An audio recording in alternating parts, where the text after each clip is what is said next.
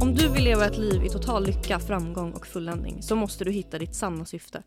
Vad är du menad för? Vad brinner du för? Väldigt få människor kan tydligt säga vad deras syfte är och var- varför de gör det de gör. Och med varför menar jag inte pengar. Pengar är ett resultat. Med varför menar jag vad är ditt syfte? Vad är anledningen till att du gör det du gör? Vad tror du på? Varför klev du upp ur sängen i morse? Vad är din talang? Vad är du bra på? Vad är du bäst på och vad brinner du för?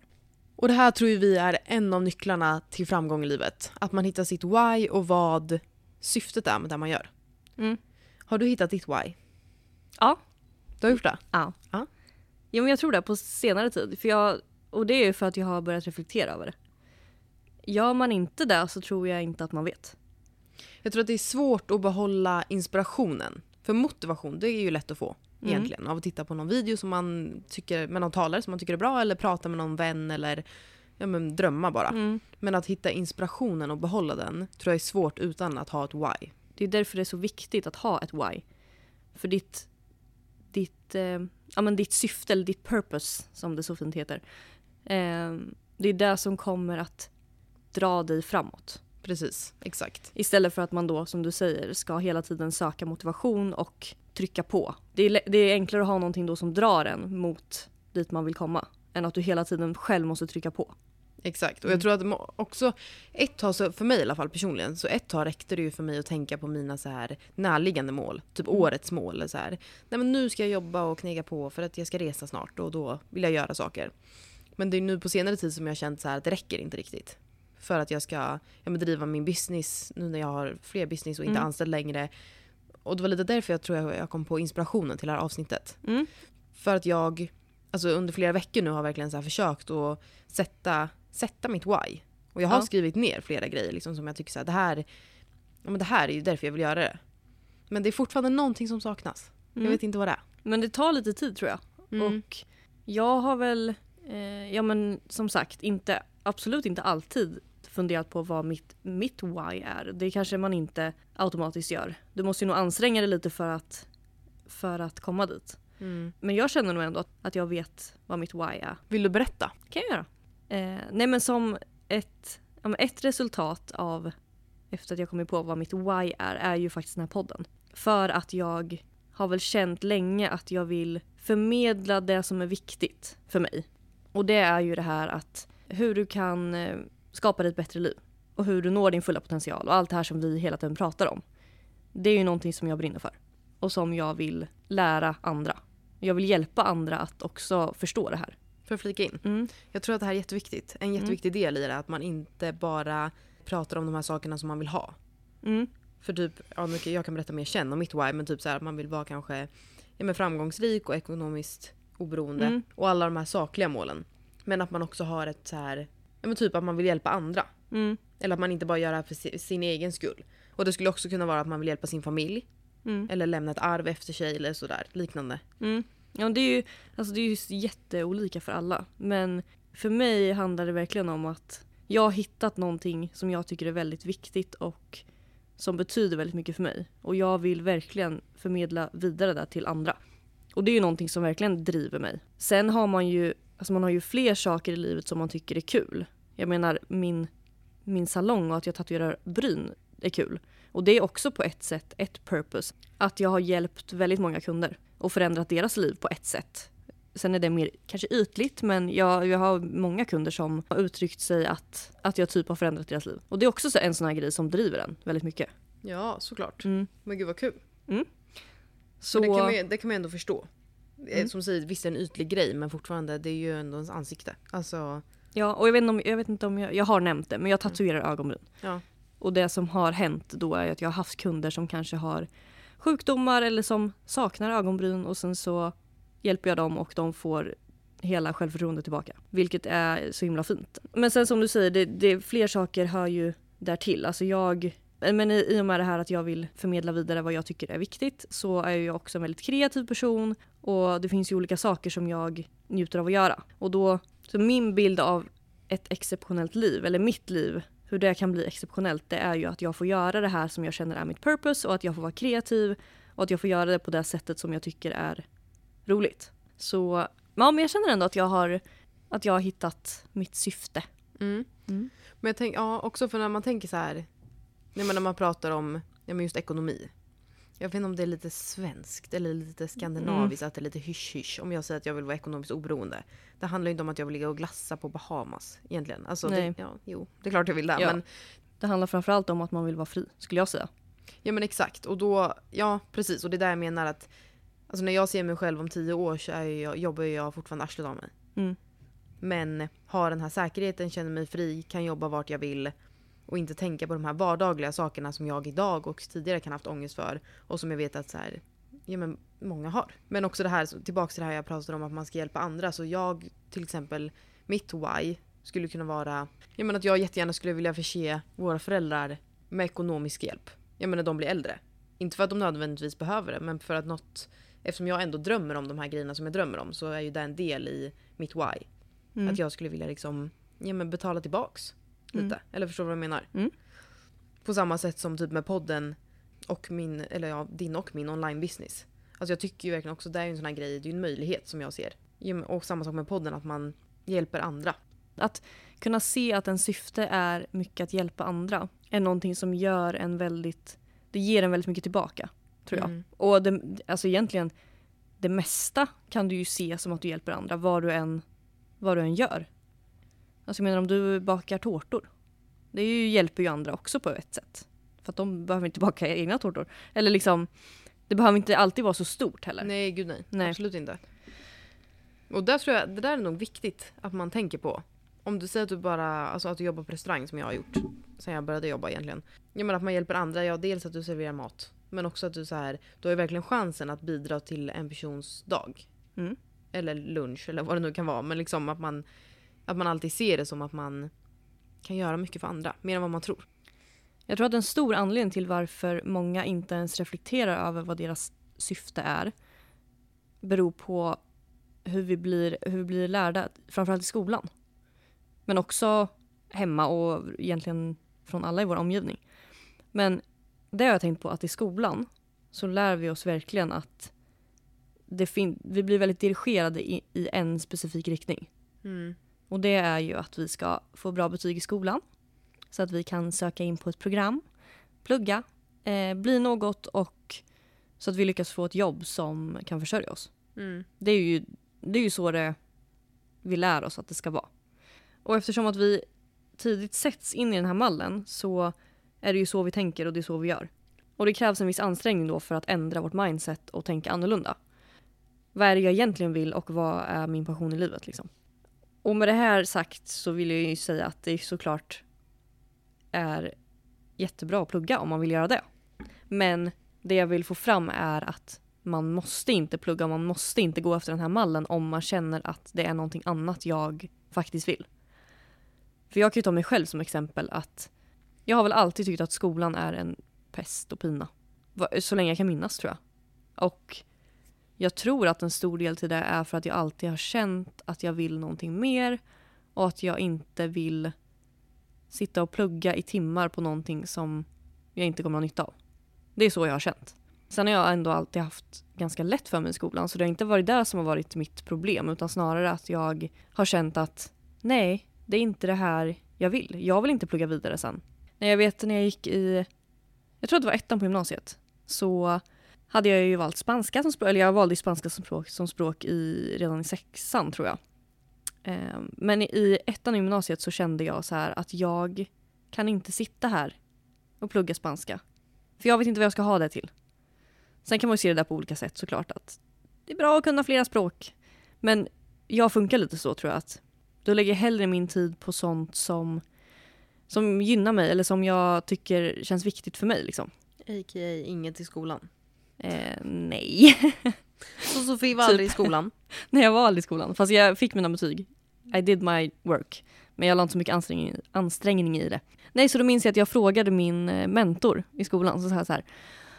Mm, hur viktigt är det att jag får godkänt i spanskan? Då tittade hon på mig och så sa hon så här. Har du tänkt bli spanska tolk? Nej. Hon bara nej. Då skit i det här, liksom. Så Mm. jag la faktiskt ingen energi på spanskan. Jag fick ett stort fint F. Ja. Men det var för att jag, kan- jag kan inte. Jag kan Nej. inte hålla på och anstränga mig och vara duktig i någonting som jag inte tycker är viktigt. Så har jag känt. Sen finns det ju de som tycker att skolan är superviktig och att de, ja men låt säga att man vill bli läkare. Då måste du ju plugga. Du måste ha bra betyg och du måste komma in på din läkarutbildning. Och det, det, det köper jag ju till 100%. Det är klart att man måste plugga då för det är ju that's the only way to go. Men för mig var det inte så. Och jag tror att många kanske känner så att så här, men det här är inte det jag vill göra. Jag vill inte plugga till det här och bli det här. Som man kanske har fått höra från sina föräldrar eller från, ja, inte vet jag. Och, och då tycker jag att det är viktigt att man reflekterar över det här och kan försöka se att det finns, man behöver inte gå i, i den här mallen. Nej, och det är som du säger, jag tror att det är mycket tack vare skolan men också hur man säkert har blivit uppfostrad. Mm. Som har med att göra och egentligen alltså det är ju normer i samhället som sätter de här gränserna för oss. Mm. Och att du, ja men från början att du kommer inte komma någonstans om du inte har en utbildning. Har man ju fått höra som man var liten. Jag känner mest bara watch me. Helt Ja, ärligt. ja men verkligen. För att alltså verkligen inte, jag tycker alltså folk som pluggar, alltså jag ser ju upp till folk som pluggar. Mm. Alltså I could never Nej, sitta sådär i fem år och plugga till läkare. Men Nej det, är ju, det är ju skitbra gjort. Jobba. Ja, gud ja. Men samtidigt så här, också min högsta dröm, typ när jag kollar på Grey's Anatomy, så bli kirurg. Ja. Men, och det är, väl, det är väl det som är det fina också, att alla är olika. Mm. Men det måste ju på något sätt också bli lite mer accepterat att alla inte vill plugga. Och alla Mm. inte vill göra den resan. Liksom. Mm. Något som jag tror att många kan relatera till är att man kanske känner sig olycklig eller missnöjd med den situationen man lever i just nu. Eller har levt i tidigare. Och anledningen till att man, många gör det, och då pratar jag också utifrån mig själv, är nog för att man inte lever i den situationen som man önskar att man levde i. Att ens liv inte ser ut som, ja, men som där man drömmer om och ens mål. Och där, därför tror jag också att det är extra viktigt att man försöker hitta sitt why. Och att man säkert kan hitta det i sina drömmar och mål. Mm. För det här har ju mycket med lycka och ja, men levnadslust att göra Ja. överhuvudtaget. Ja verkligen.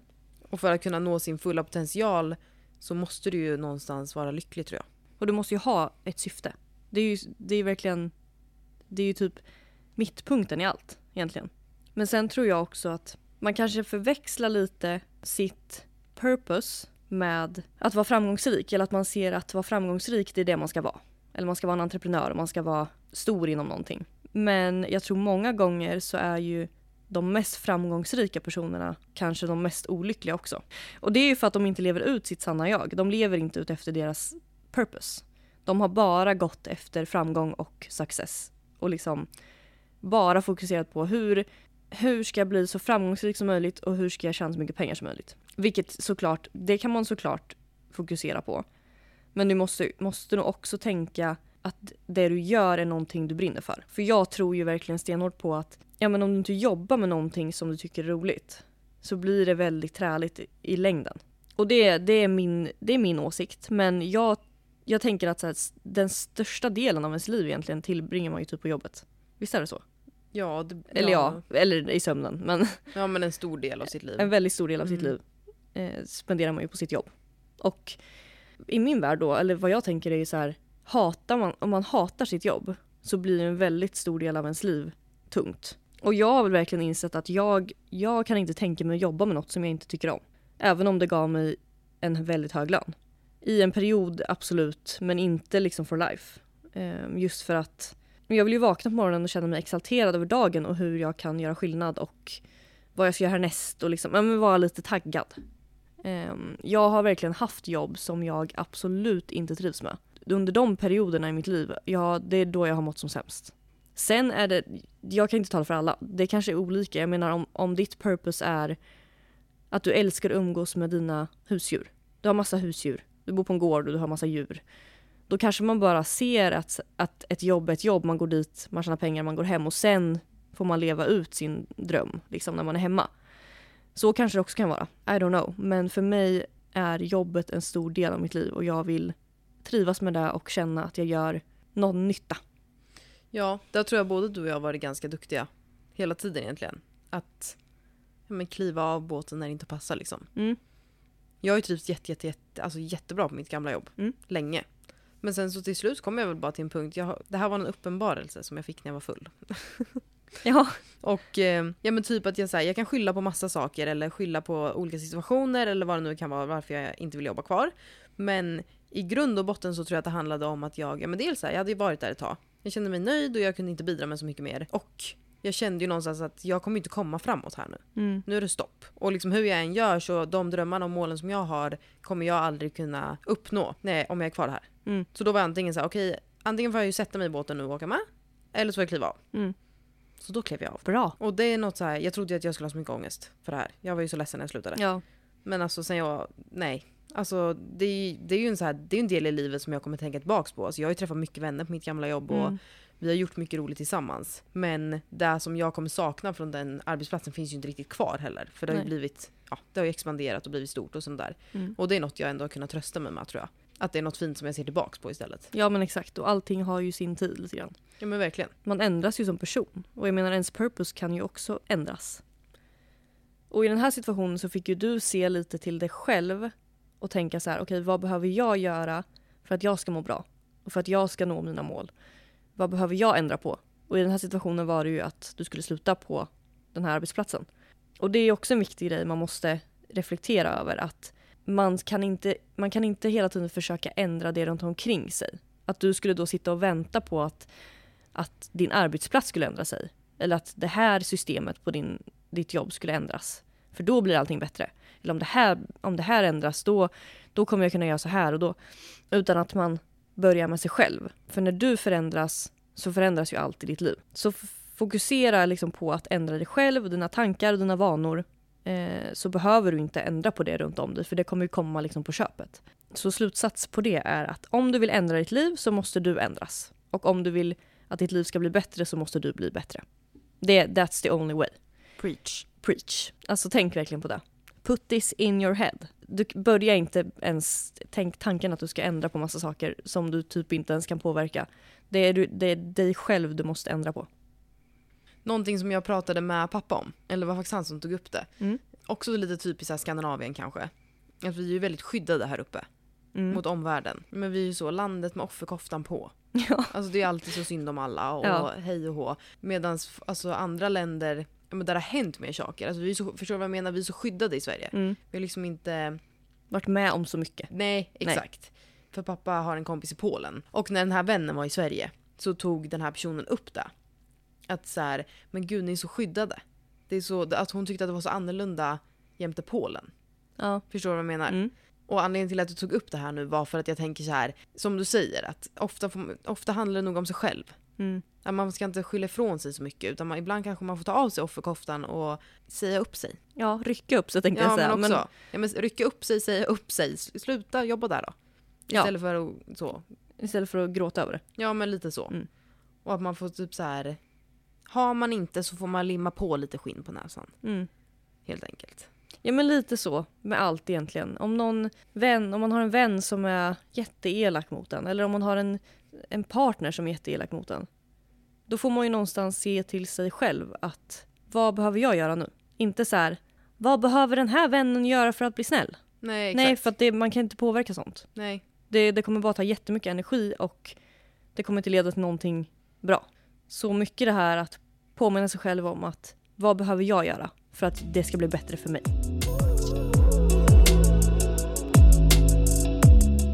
Men nu till frågan som ni har väntat på. Hur hittar man sitt why? Ja, hur gör man? För det är inte bara att gå ut och leta i skogen liksom. Det, Och det är väl det som ändå är bra, att ditt why sitter ju inte på något berg eller i ett träd. Det finns ju inom dig. Men, eh, men hur gör man? Kan du inte berätta lite? jo men det finns ju olika sätt såklart. Eh, och jag tror vissa har lättare för det här än vad andra har. Men jag lyssnade på ett TEDx-talk med, nu jag, jag kan ju inte uttala hans efternamn. Jag tror att han heter Adam, Adam Leipzig? Ja. Eller? Mm. Ja, något sånt. Och han, han hade ett väldigt simpelt tal. Eller föreläsning kanske man säger. Mm. Och eh, syftade ju på hur, svår, eller hur avancerat folk gör det. Mm. Eh, Men som jag sa, det är säkert svår, det är svårare för vissa och lättare för andra men att det behöver inte vara så svårt. Mm. Eh, och då berättade han i början av den här eh, föreläsningen då att det finns eh, 151 928 böcker på Amazon vid tillfället då, som det här talades om. Som refererar till hur du kan lära dig ditt syfte med livet. Mm. Det är många böcker. Det är väldigt många böcker och du behöver inte läsa alla för att hitta det här. Nej. Och hans, han menar ju då på att det är fem frågor som du behöver svara på för att hitta ditt why. Och fråga ett är ju då, vem är du? Och den är ganska enkel att svara på. Ja. Ja, vem är du? ja, jag heter Sofie. Jag är snart 26 år. Jag jobbar med det här och det här och jag är kreativ. Och så. Ja, och men kanske typ. lite, ja, och lite så här, det här brinner jag för. Ja. Hjälpa andra. Mm. Och vad gör du då? Då får du välja kanske en av dina... Ja, det är många saker. jag får välja en då. Ja. Ja. Men jag har en online business. Och vem gör du det här för? Ja men egentligen för alla som är likasinnade som också vill driva en online business som vill komma åt friheten och eh, ja, som vill eh, bygga något på egen hand. Och fråga fyra då. Vad vill och behöver de här personerna?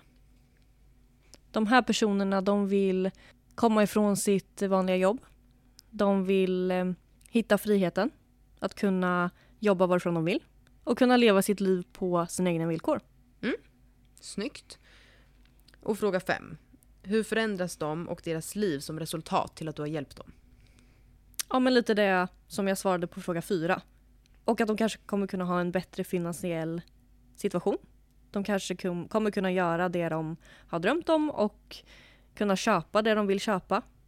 Och nu ska du egentligen ha svar på vad ditt why är. Ja, det tycker jag det blev det ganska bra svar på. Eller? Ja, men jag tycker också, nu kanske det är tydligt för oss eftersom vi har det redan vet. Ja, Men du, alltså med hjälp av de här frågorna så kommer man ju fram till att okej, jag vill hjälpa de här personerna för att de kan nå det här och det här och det här. Mm. Vilket för mig blir en jättestor drivkraft. Och hur vet man att man har hittat sitt syfte? Ibland kanske man tror att man har funnit det för att man har levt på ett visst sätt väldigt länge. Men när man verkligen hittar syftet och gör det man älskar så tror jag att man har verkligen en känsla av att man känner sig fri, man känner sig obegränsad, lycklig, euforisk till och med. Så det är väl något man kan påminna sig själv om. Att vad känner jag när jag tänker på det jag gör? Eller när jag gör det jag gör? En fråga. Mm. Tror du att alla hittar sitt syfte? Det tror jag inte. Jag lyssnade på en, undrar om det var, det var nog också ett TEDx-talk med, mm, jag minns inte vad han hette, skitsamma. Och han berättade att han hade ju gjort någon liten egen sån undersökning typ och han hade frågat i princip alla sina vänner om de kände sig lyckliga. Eller om de var, nö- nej, om de var nöjda med sitt liv, tror jag. Och 80% var ju inte det. 80% var ju så här, jag vet inte vad jag gör med mitt liv, jag vet inte varför jag gör det här, varför jag jobbar med det här, jag vet inte vad jag vill göra. Alltså väldigt mycket förvirring. Och så tror jag att det är om man aldrig frågar sig själv vad det är man verkligen vill. För Ja. det kommer nog inte bara out of the blue. Jag tror att du måste ju ändå aktivt jobba för det lite grann. För att hitta det här syftet liksom. Ja men absolut. Och det, det var samma siffror som han eh, Adam som jag lyssnade på här igår då. Mm. Han hade också samma siffror, att det var 80% av dem som var på han var på en klassåterträff. Men det är, den här, det är samma, det är den är jag lyssnar på. Ja. Ja okej. Ja. Och det är ju faktiskt sorgligt. Mm. Men det som de här 20% hade gemensamt var ju att de hade hittat sitt why. De, eh, du menar de resterande 20 procenten Ja, som ja, exakt, var nöjda 20 med ja, sitt liv? Inte de 80. Och sen en annan del som är viktig att poängtera är ju frågan Kommer det komma dagar som är jobbiga? Kommer det komma stunder när man vill ge upp? När allt känns svårt? Kommer, kommer man känna sig så pass besviken att man tänker att det inte är värt det? 100 procent. Alltså det är ju verkligen även, även när du har hittat ditt purpose så kommer ju inte allt runt där runt omkring vara guld och gröna skogar. Alltså så är det ju inte med någonting. Men anledningen till varför man känner de här känslorna att det känns jättejobbigt, att man vill ge upp och alltihopa. Det är ju för att ditt ego vill tvinga tillbaka dig in i din comfort zone. Och det är det här egot man måste push aside. Men det är ju då det här kommer in. Det är då du ska påminna dig om ditt why. Och också kom ihåg att som du säger, även fast det är jobbigt stundtals så är det ju resan till ditt mål som är den stora grejen. Som vi har pratat om tidigare också. Mm. Att det handlar ju verkligen om dåliga dagar, bra dagar. Misslyckanden, hur man tar sig upp. Ja, men, Allt det här. Ja, exakt. Att man verkligen försöker se att det finns mening med allting. Och dina misslyckanden kommer ju ta dig i en riktning som sen tar dig till något annat som tar dig till något annat som tar det. Alltså det, det är ju verkligen så.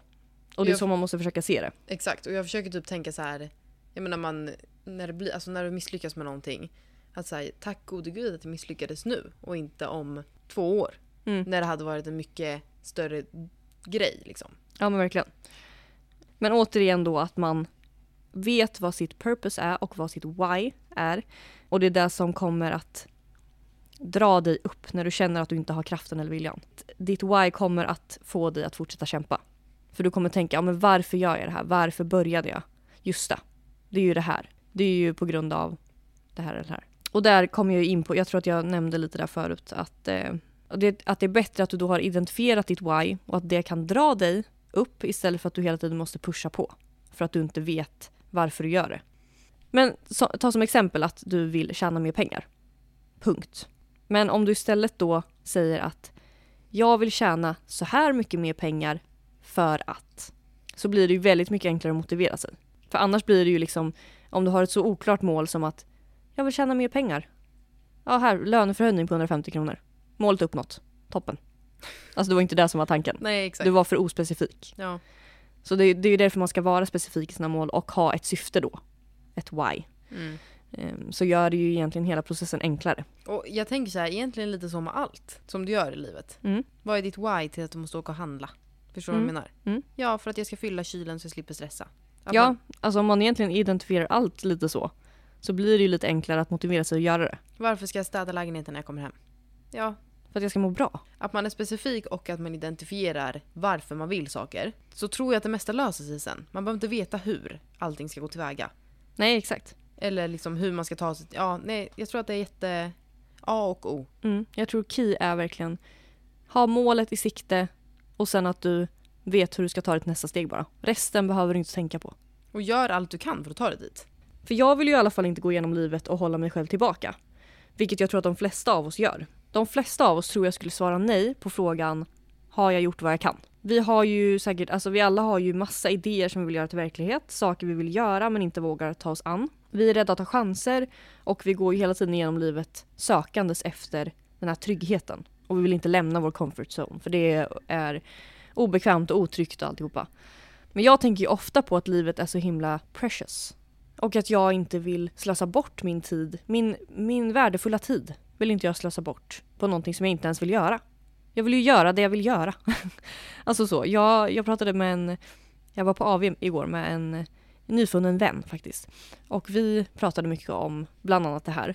Ehm, och att jag kan ju verkligen känna så här, om inte mitt liv blir som jag vill att det ska bli, då kan det fan vara. Alltså, nej men det låter ju dramatiskt, men lite så. Men det var som jag sa till dig, kommer du ihåg det, i början på året? Mm. Att det var så här, att saker lär ju hända i år. Ja. Alltså verkligen, för annars så signar jag ut. Då kan jag lika väl göra allt jag inte vill göra. Ja. Och då menar jag inte att allt ska hända i år, men alltså det, det måste börja hända saker nu. Ja, och jag känner verkligen att jag har kommit till den punkten i mitt liv att jag, jag har insett det så himla mycket. Att jag kan göra vad jag vill med mitt liv. Och därför så ska jag göra det som jag vill göra. För jag tänker inte leva någon annans liv eller någon annans dröm. Nej, för återigen då det som vi pratade om i ett annat avsnitt. Att jag vill inte ligga på min dödsbädd och så. Ja, här kommer en film på hur ditt liv skulle ha varit enligt dina drömmar. Men du sket i allting, så det vart inte så. Nej. Jag vill inte det. Nej. Jag har verkligen kommit till den punkten att, att jag ska göra det bästa av mitt liv och jag ska leva ut min fulla potential. Och that's it. Och det är också en grej som jag har tänkt på mycket på senare tid att, att jag har ju verkligen en övertygelse att mitt liv kommer bli så som jag vill ha det. Det kommer bli så. Hur vet jag inte än. Men jag vet att det kommer bli så för det finns inga alternativ. Jag har bestämt mig för hur det ska vara och så kommer det vara. Mm. Och den insikten tror jag inte alla har. Eller det vet jag att inte alla har. Nej. Jag vet ju att alla har potential att göra sitt liv till det de vill att det ska bli. Det vet jag. Because I'm God. Nej men jag, efter allt jag har lärt mig och efter all personlig utveckling jag har gjort och alltihopa så vet jag att det är möjligt. Men jag tror att det är väldigt, väldigt många som inte tror att saker och ting är möjligt. Att deras mål är möjliga att nå. Exakt, och det, den uppfattningen delar ju både du och jag. Att jag har ju också så här, jag vet exakt hur mitt liv kommer se ut sen. eller inte exakt, men jag vet på ett ungefär hur mitt liv kommer se ut sen. Och det kommer ju vara så, 100%. Sen hur jag ska ta mig dit nu, eh, lite oklart. Men det behöver man inte veta. Nej, exakt. Men det är det här jag menar med att folk måste ta av sig offerkoftan lite. För att om hon kan, om han kan, om hen kan, varför skulle inte du kunna? Mm. What's your excuse? Ja, det kanske har längre väg för dig att gå. Men ja, better get going then. Ja men exakt. Alltså verkligen. För att det är så här. Nej men som du säger, jag vill leva mitt liv. Jag har ett liv nu. Vad ska, varför ska jag inte... Leva det till fullo. Och jag anser verkligen att det spelar ingen roll vart du är i livet, hur gammal du är. Du kan vara 70 år och inse det här. Och fortfarande ändra ditt liv så pass att det blir så, så som du vill ha det. Jag, jag tror inte på att du måste vara i en viss tidpunkt i livet eller du måste, du måste vara ung. För, alltså jag, det handlar ju så himla mycket om mindset och det går att förändra. Ja, alla har ju different time to shine. Mm. Nu, har, nu är det så mycket engelska på Ja, mig är Jag är så internationell. Ja. Men jag tror att alla har ju så olika tider i livet där man blommar. Mm. Vissa är senare än andra. Gud ja. Och det är ju som, jag pratade med en kund häromdagen. Hon, eh, jag kommer inte ihåg vad hon pluggade, om det var, ja hon pluggade någonting i alla fall. Och den äldsta i hennes klass som pluggade var 55.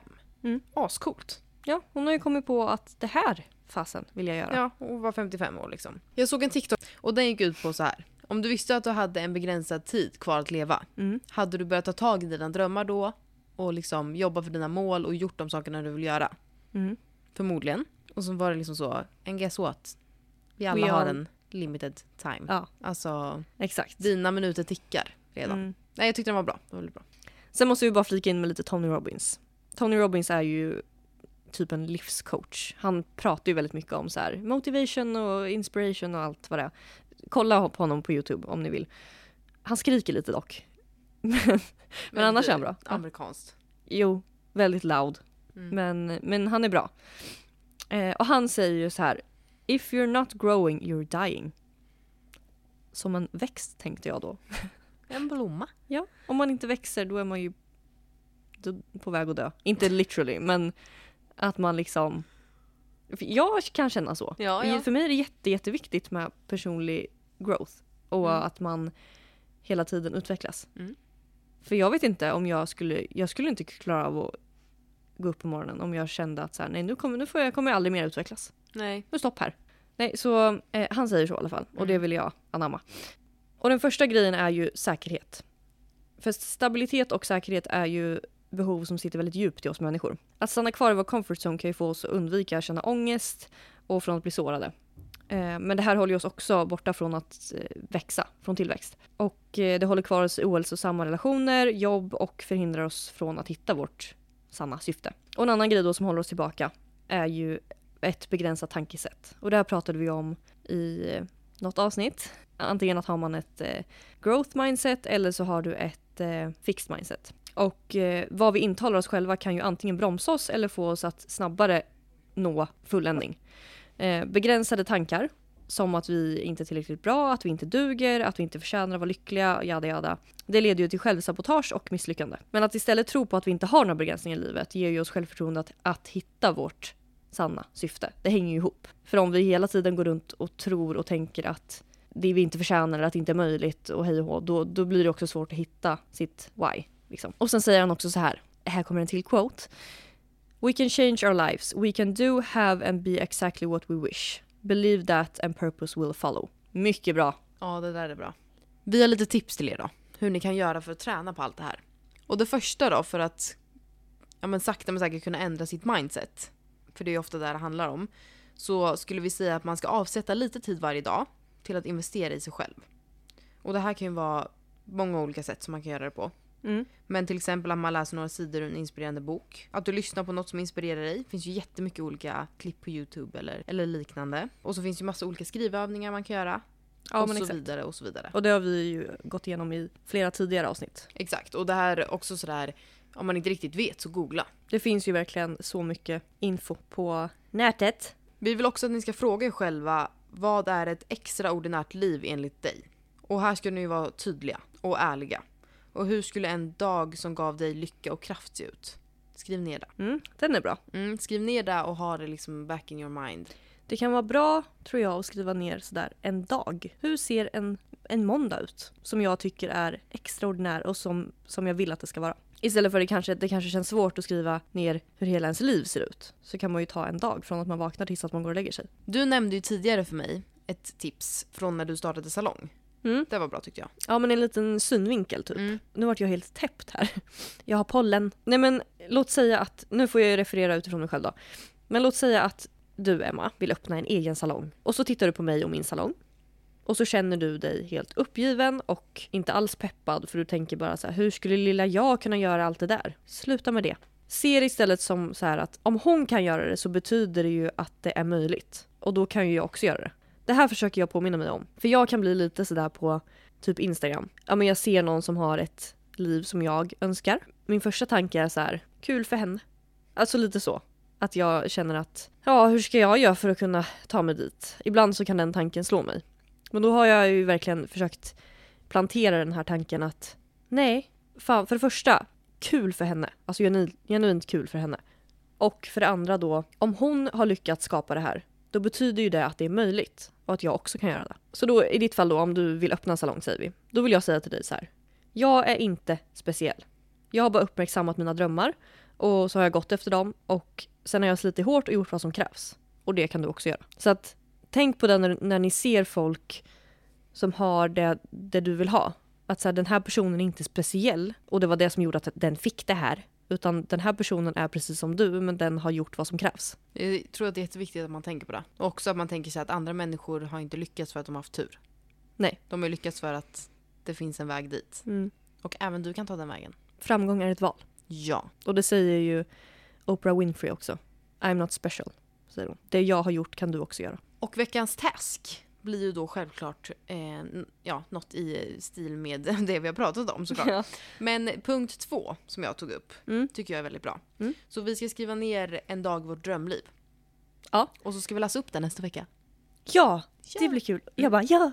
Ja. Eh, ja men då, kan man vara, då skulle man kunna vara så specifik att man skriver typ tider. Mm. Så 07.00 vaknar. Vad gör man sen? Mm.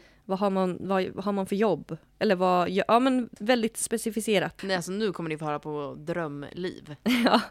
Oj, ja men det, det är tasken. Mm. Do it now. Nästa vecka får vi faktiskt besök.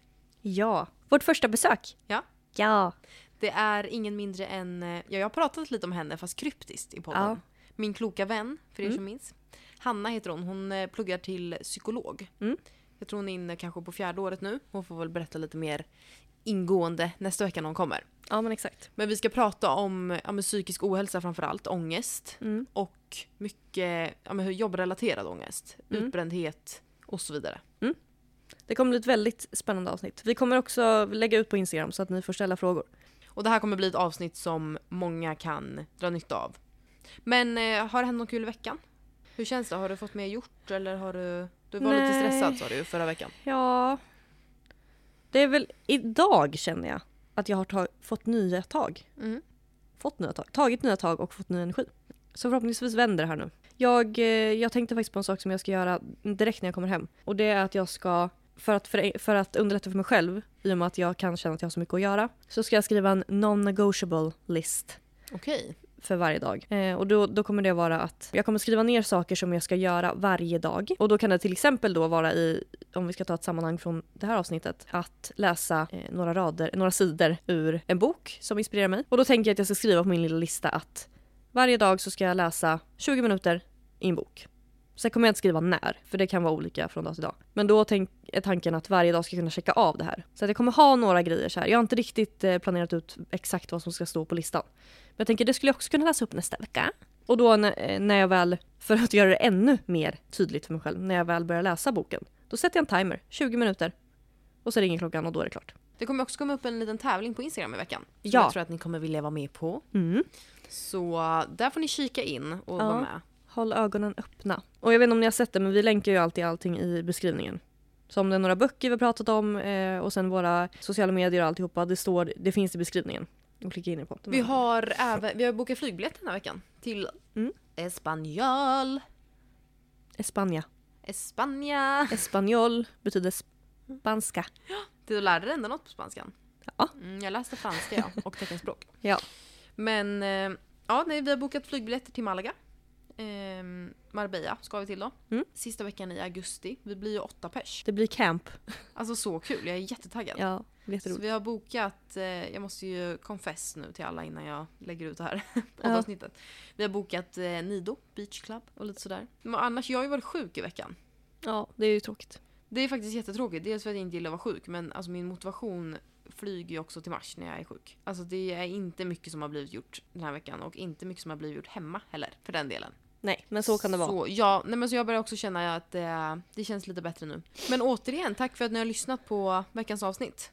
Håll utkik på Instagram efter tävling och eh, fråg, frågeställning. Eller vad ska jag Mm. säga? Vi ska bli mer aktiva på Instagram. Vi har varit lite dåliga på det faktiskt. Vi har krismöte här nu efter. Det ska planeras in i minsta detalj. Eh, nej men, eh, och, och som vi brukar säga, om ni gillar podden får ni gärna give us some stars i Spotify eller podcaster vart ni än lyssnar. Och eh, om ni tycker att det här avsnittet var bra, ta en, en print och dela på story eller vart ni vill. Så blir vi jätte, jätte, jätteglada och det är jättekul om eh, vi lyckas sprida podden till ännu fler som kan vilja och behöva höra det vi pratar om. Men tills vi hörs igen så ha det bäst. Ha det bäst! Puss och kram!